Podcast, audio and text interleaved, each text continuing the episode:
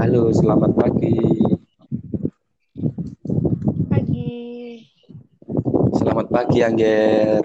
Pagi dan Assalamualaikum warahmatullahi wabarakatuh. Ya, halo teman-teman, semua yang saya banggakan. Perkenalkan, ini kelompok kami. Saya sendiri, Yoga Eko Saputro. saya Angger Jaya. Dan saya Alia Islami. Ya. Pada tahu nggak di Indonesia sekarang lagi ada apa? Pandemi apa yang muncul di Indonesia sekarang?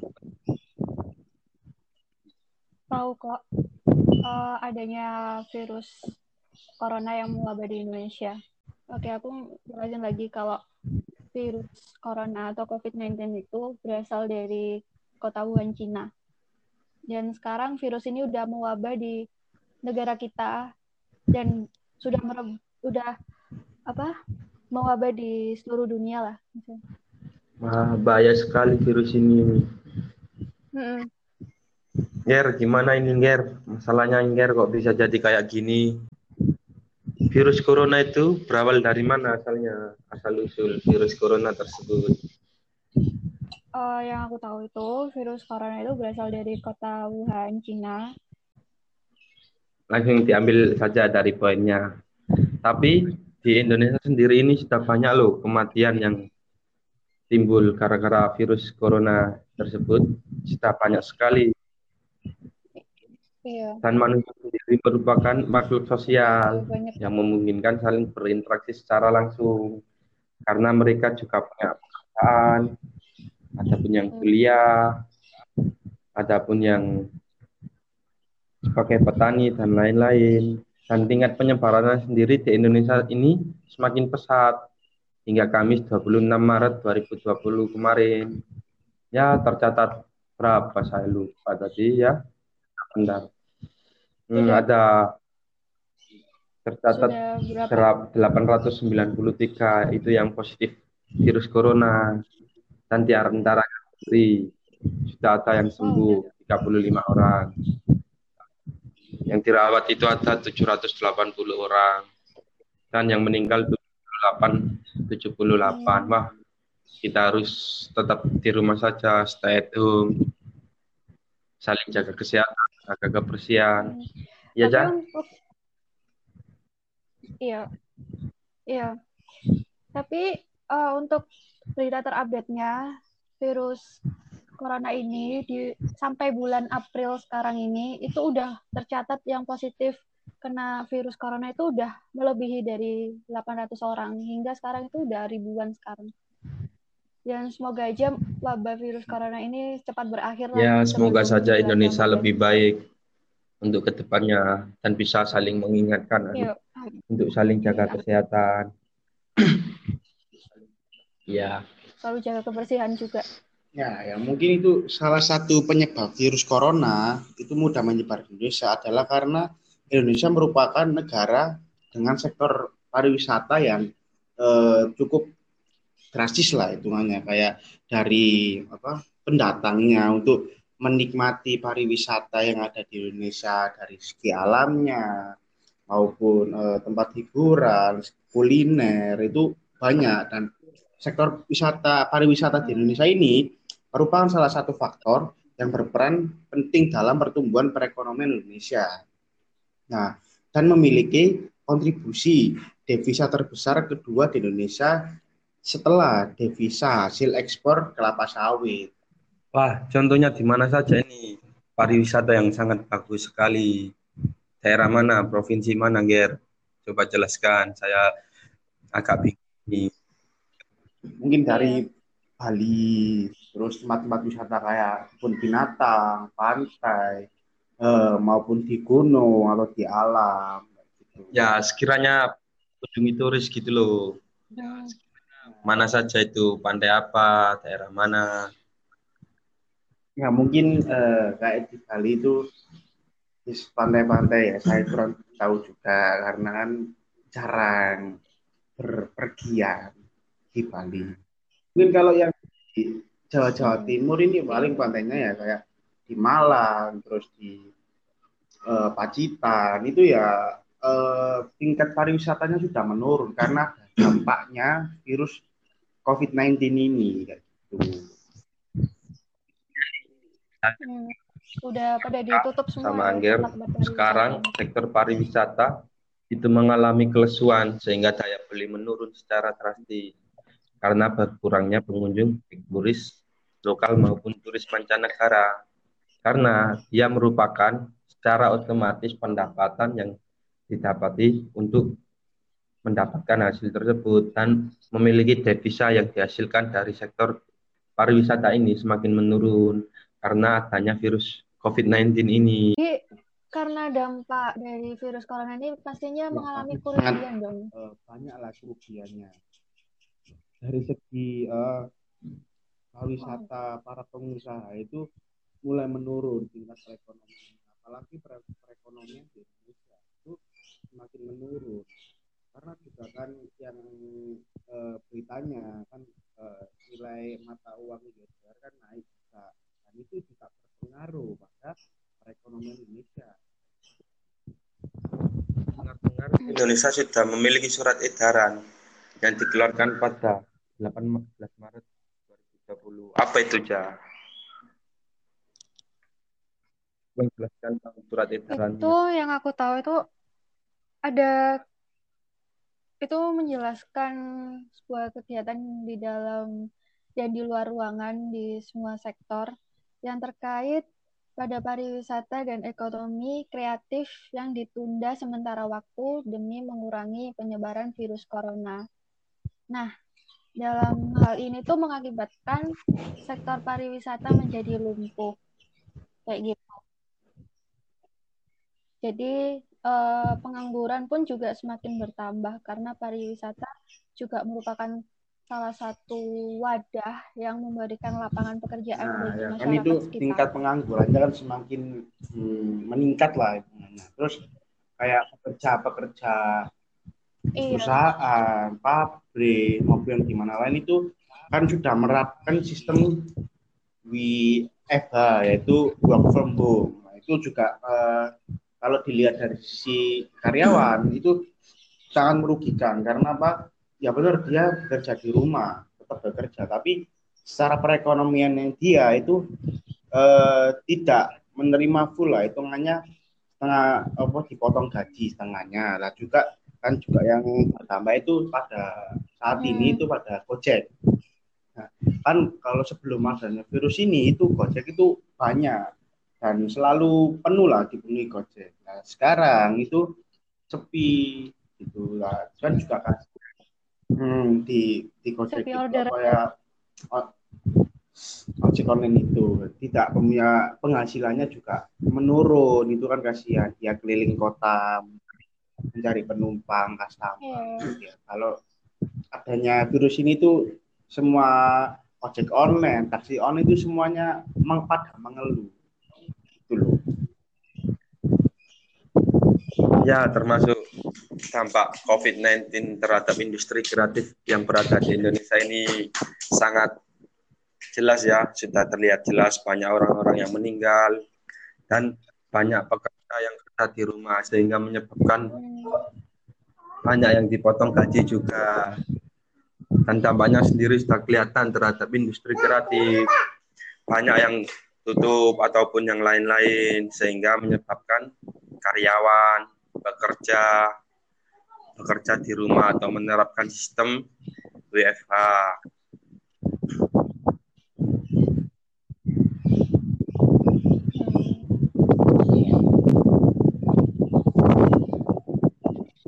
Nah, ini untuk dapat memberi kontribusi lebih tinggi pada perekonomian Indonesia, perlu adanya campur tangan pemerintah. Apalagi saat ini Bank Indonesia menurunkan proyeksi pertumbuhan perekonomian di Bali dari sebelumnya eh, sekitar 5,6 persen sampai 6 persen menjadi 4,6 persen sampai 5 persen karena dampak eh, COVID-19 ini. Untuk itu, pemerintah perlu mendorong sebagian industri agar dapat menopang pertumbuhan ekonomi tersebut. Ya mungkin eh, tersebut ya mungkin susah sih kayak gitu. Ya, kita ambil contohnya di Bali saja ya. Hmm. Terus terang, karena Bali merupakan sektor ya, yang paling besar untuk mendapatkan devisa negara atau menghasilkan uang yang dihasilkan dari pariwisata ini. Paham nggak, Cak? Iya, iya paham. Ya. Tapi uh, aku mau nanya nih. Uh, kan tadi kan disebutkan kalau pemerintah itu perlu mendorong berbagai industri untuk menopang pertumbuhan ekonomi kan. Lah itu men, apa mendorong berbagai industri itu industri apa aja? ya. Gitu. Saya lihat sendiri ya di Bali keberitaan industri kreatif itu hmm. tumbuh cukup banyak sehingga skala penjuru Provinsi Bali mulai dari Denpasar, Gianyar, hingga Buleleng yang telah membuka lapangan pekerjaan di Pulau Dewata. Selain itu, industri kreatif yang mayoritasnya didominasi sektor UKM ini marak karena terobosan IDD untuk menjawab tantangan di Pulau Dewata.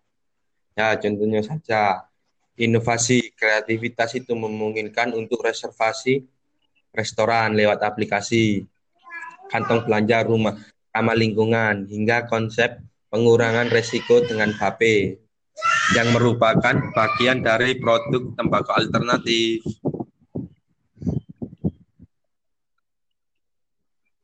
Nah, hmm. selanjutnya itu adalah hmm, bendara Himpunan Pengusaha Muda Indonesia atau yang disebut HIPMI di Bali. Hmm. Kata Pandi Agus Widura, sebagai anggota IMI itu mengatakan bahwa industri kreatif di Bali memiliki potensi yang sangat besar untuk dikembangkan. Dan katanya, saya melihat industri kreatif dapat membantu perekonomian di Bali pada masa kondisi pariwisata sedang lemah seperti saat ini. Jika industri kreatif terus-menerus digenjot, tentunya dapat menjadi proyek bisnis yang bagus untuk ke depannya. Ujar kata Pak Pandey Agus Widura itu kan di Bali itu kenapa soalnya ya, ia mencontohkan industri vape yang sedang marak di Bali itu menurutnya dengan konsep mengurangi biaya mengurangi bahan tembakau ini bisa menjadi suatu hal yang sangat diminati bagi para rokok dewasa. Itu ya aja apa ada tambahan hmm, nggak ada sih jadi uh, himpunan pengusaha muda Indonesia ini itu ya sangat berpotensi di Indonesia. Iya, salah satunya di Bali. Itu. Ya, soalnya kan ter adanya virus ini tuh perekonomian dari segi industri kreatif di Indonesia maupun yang lain itu mengalami penurunan gitu. dan dialihkan untuk menggunakan sistem online gitu. juga yang menerapkan juga banyak oh. restoran maupun yang lain itu hmm. sekarang meng, e, memakai sistem secara online kayak gitu. Oke, oke, baik, baik. Dan ada juga nih yang menarik ucap gede tersebut usaha baru yang bermunculan ini bukan lebih kapitalis, melainkan usaha rintisan sehingga masyarakat memiliki peluang menjadi wirausaha dan memiliki penghasilan munculnya usaha-usaha baru ini otomatis membuka lapangan kerja bagi masyarakat karena pemerintahannya di Bali sangat membuka lapangan pekerjaan bagi yang memiliki inovasi kreativitas yang sangat tinggi. Dan juga Gede mengatakan itu satu vape store alias toko rokok elektronik itu membutuhkan tenaga sekitar 5 sampai 6 orang untuk industri yang baru berkembang. Dan penyerapan sumber daya manusia di sektor ini sudah terhitung lumayan banyak lah itu. Dan sekarang di tengah-tengah kegiatan ekonomi saat ini yang tengah terpukul akibat uh, virus COVID-19 ini berharap pemerintah turut memberikan perhatian untuk industri kreatif. Kan juga pemerintah uh, membantu dalam segi penerapan sosial distancing juga kayak gitu. Ya mungkin pemerintah juga kayak uh, yeah, yeah. polisi juga gitu kan. Kalau masih ada yang berkeliaran atau berkumpul di suatu warung atau mall wah kebiasaan mungkin jelas atau yang lain biasanya dioprak dengan dikasih uh, suatu ucapan yang hitungannya pejangan lah gitu. biar menyadarkan, menyadarkan diri masing-masing. Oh. Kayak gini, kalau semisal uh, kita keluar dalam keadaan tubuh yang fit ataupun imun yang tinggi lah, nah, terus kita berkeliaran di luar itu kita nongkrong segala macam. Bener kita enggak uh, enggak terjangkit, tapi juga membawa virus itu. Dan sedangkan yang udah pulang ke rumah nanti takutnya itu menyebar pada keluarga kita. Kayak gitu. meskipun badan kita fit tapi juga bisa menyebar melalui keluarga juga. Kalau udah pulang ke rumah itu bahayanya. Makanya kan eh, diberlakukan sistem social distancing kayak gitu. Dan juga perlu sadar diri juga kan ya untuk ya, memang kan, uh, apalagi kayak pemerintah kan uh, menerapkan itu siapa uh, cek kesehatan untuk seluruh masal itu udah ada beritanya tapi yang udah dites itu yang udah dites itu hanya beberapa. Kan sedangkan penduduk di Indonesia kurang lebih ada 200 juta jiwa. Nah, kalau misal udah di tes masalah semua dan itu kelihatan mana yang terjangkit mana yang tidak. Dan diharapkan yang sehat ini tetap menjaga kondisi tubuh yang fit. Dan sedangkan yang terjangkit ini berusaha untuk melawan agar tidak mengalami kejadian yang tidak diinginkan. Ya semoga saja kita doa yang baik-baik yang bagus. Karena Indonesia sedang dihadapkan dengan masalah salah satunya ini virus COVID-19 yang mulai masuk ke Indonesia. Dan ada juga industri yang terdampak oleh masukan COVID-19 ini. Tentu saja salah satunya industri kreatif yang sudah kita bahas tadi padahal industri kreatif ini sudah dikadang-kadang sampai pada 2025 mengapa yang merupakan akan menjadi tulang punggung perekonomian di Indonesia. Ya, semoga saja lebih baiklah.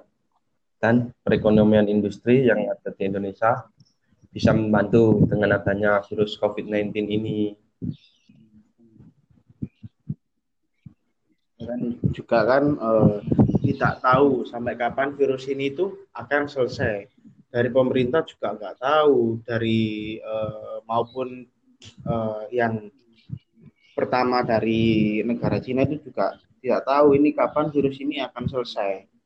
Dan juga kayak pelajar, mahasiswa itu kan juga diliburkan menggunakan secara KBM itu menggunakan sistem daring dalam jaringan yaitu atau ya? online. Jadi gitu. Ya diharapkan lah hmm. kayak uh, seluruh warga Indonesia ini bisa mematuhi peraturan yang dibuat oleh pemerintah. gitu. Ya meskipun ada uh, ada bahayanya kayak semisal meskipun tetap banggel atau uh, melanggar masih tetap ada hukumannya kayak gitu. Ya, ada penjelasan lagi, Cah?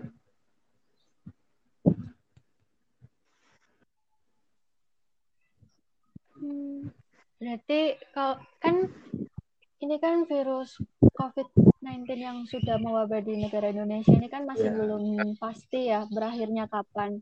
Berarti berarti selama adanya virus ini berarti gimana ya cara pemerintah itu menanggapi kelumpuhan perekonomian di Indonesia? Apalagi kan dalam sektor industri kreatif ini. Ya, sebagai pemerintah sih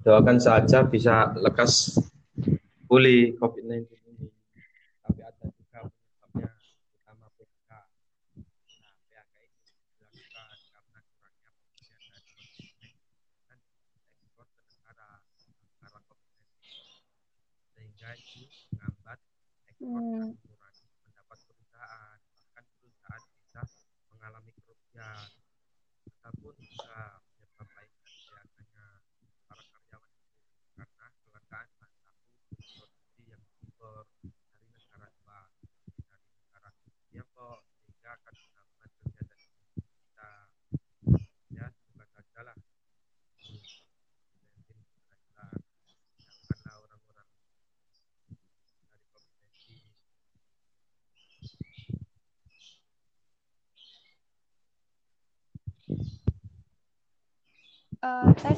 Oh iya, maaf. suaranya nggak kedengeran. Ya kan dampaknya ini kan juga eh, sangat besar lah. Kayak dari PHK, kayak kurangnya limitnya bahan baku untuk diproduksi. Dan itu juga mm, menambah angka pengangguran yang ada di Indonesia dengan adanya eh, virus COVID-19 ini. Ya juga pasti merugikan seluruh negara. Kayak gitu. Ya mungkin dari negara lain sudah menerapkan sistem yang sama atau sistem yang berbeda. Tapi kita ambil contoh yang ada di negara kita yaitu Indonesia kayak gitu. Ya diharapkan eh, warga-warga Indonesia itu tidak bebal lah kayak gitu. Iya. Eh, melanggar, pingin soasi, kumpul, ya jangan lah, dikurangi dulu. Dan meskipun tidak tahu kapan selesainya Karena udah masalah ini tuh nggak tahu. Tapi tetap aja kayak ada yang mengatakan bosen di rumah.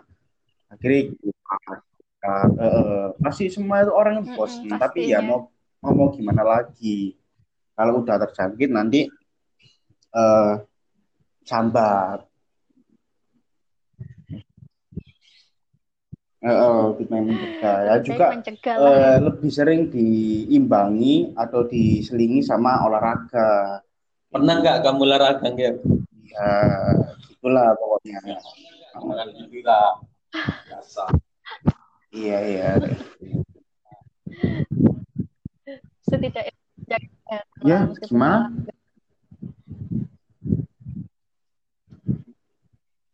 Setidaknya apa Nice juga. itu olahraga. kesehatan mungkin kayak di lingkungan rumah itu dibersihin tidak ada debu sering-sering membersihkan rumah lah kayak gitu Iya. Iya, sih.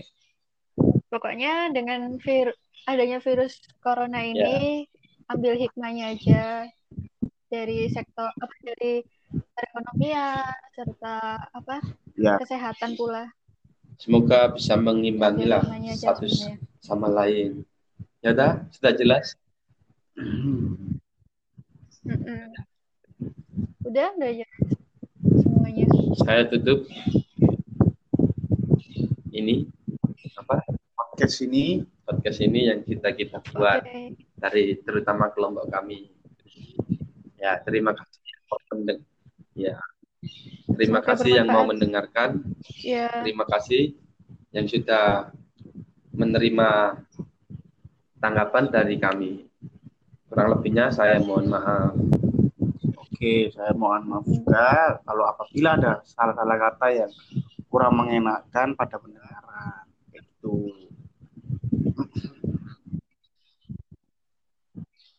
ya saya pun juga Oke, sebaliknya. selamat jumpa di podcast selanjutnya. Not tentang membahas apa nanti akan di coming soon lah. Oke, Chill bro. see you next time bye bye.